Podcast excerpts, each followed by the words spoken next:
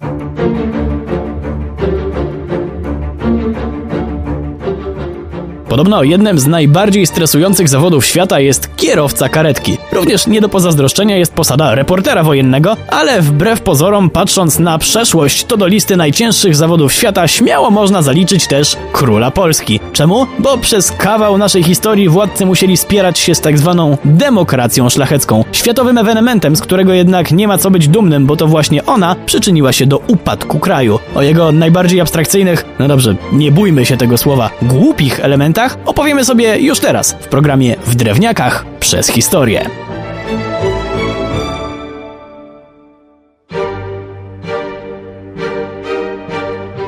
W dużym skrócie, historia demokracji szlacheckiej to proces włażenia szlachty na głowę królowi. Cały bałagan rozpoczął się tak naprawdę dawno temu, bo już po śmierci Kazimierza Wielkiego. Ostatni wielki piast nie pozostawił męskiego potomka, więc na tron wskoczył jego siostrzeniec, Ludwik Węgierski. On też miał pecha do płodzenia synów i musiał na tronie osadzić swoją córkę, ale do tego wymagana była zgoda szlachty, która powiedziała: No spoko królu, zgodzimy się, ale co my będziemy z tego mieć? No i się zaczęło.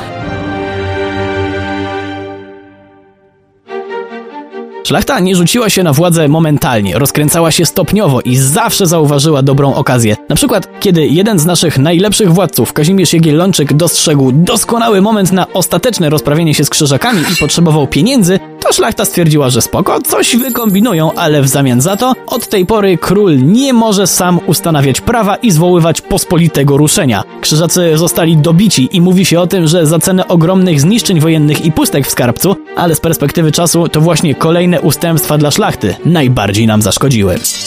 Wydawałoby się, że skoro król nie może już ustanawiać nowego prawa, to już jest jakaś parodia, ale to wcale nie koniec, bo kolejnym przełomem była konstytucja Nihil Novi. Według niej król nie mógł od tej pory również przyjmować nowych praw bez zgody Sejmu. Ktoś oczywiście może powiedzieć, że demokracja szlachecka to była piękna sprawa, bo szlachta sprawiła, że nieważne czy ktoś był bogaty czy ubogi, ale wszyscy byli równi wobec prawa i każdy głos był tak samo ważny. No pewnie, uściślając tylko, że chodzi wyłącznie o szlachtę, bo kiedy ona dostawała przywileje, to chłopstwo również dostawało, tylko że większą pańszczyznę do odrobienia w polu. Wspomnieliśmy już sobie o bogatej szlachcie. Nie jest tajemnicą, że chodzi o magnatów, ludzi koszmarnie nadzianych i w większości pazernych. Trzeba im jednak przyznać, że czasem potrafili mieć rozmach, ale to historia na inny raz. Dzisiaj skupimy się na tym, jak potrafili wykorzystać to, że mają w opór pieniędzy i właśnie fakt, że głos każdego szlachcica był tak samo ważny. Podobno jak już się ma kasiory pod dostatkiem, to kolejną największą pokusą jest władza. Tak właśnie było z magnaterią, bogatą szlachtą, o której przed chwilą wspomnieliśmy. Budowała wokół siebie całe stronnictwa. Powstawały prawdziwe mafie, gdzie donem był pan magnat, a jego sługami biedna szlachta, która w zamian za głosy dostawała od szefa różne frykasy, jak ważne posady albo wykształcenie dla dzieci.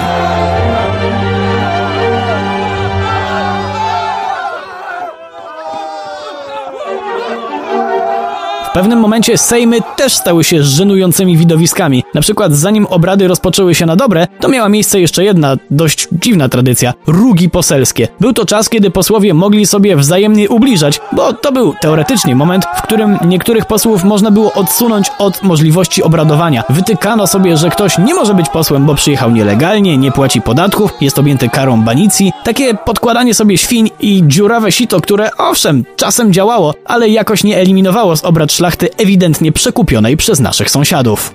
Później następowały nudne obrady, na których wszyscy się przekrzykiwali, a król musiał jakoś tych wszystkich ludzi pogodzić, żeby państwo mogło jakoś działać. No chyba, że nie chciał. Zależy od władcy. Ale zakładając, że akurat był jednym z tych dobrych, to miał jeszcze jedną rzecz do przeskoczenia. Liberum veto. W dużym skrócie, od pewnego momentu wszystkie decyzje musiały być podjęte jednomyślnie. Jeśli zgody nie było, to Sejm był zrywany, czyli uznawany za nieważny. Wbrew pozorom nie wystarczyło, że ktoś wstał i krzyknął veto i wszyscy mogli jechać do domu. Próbowano wtedy przekonywać takiego posła, żeby się nie wygłupiał, ale ten, najczęściej przekupiony, ani myślał zmieniać zdania, albo wręcz uciekał z obrad Sejmu. W takim przypadku nie było już innego wyjścia, jak rozjechać się do domów bez porozumienia, zmarnowawszy od dwóch do sześciu tygodni, bo tyle właśnie trwały Sejmy.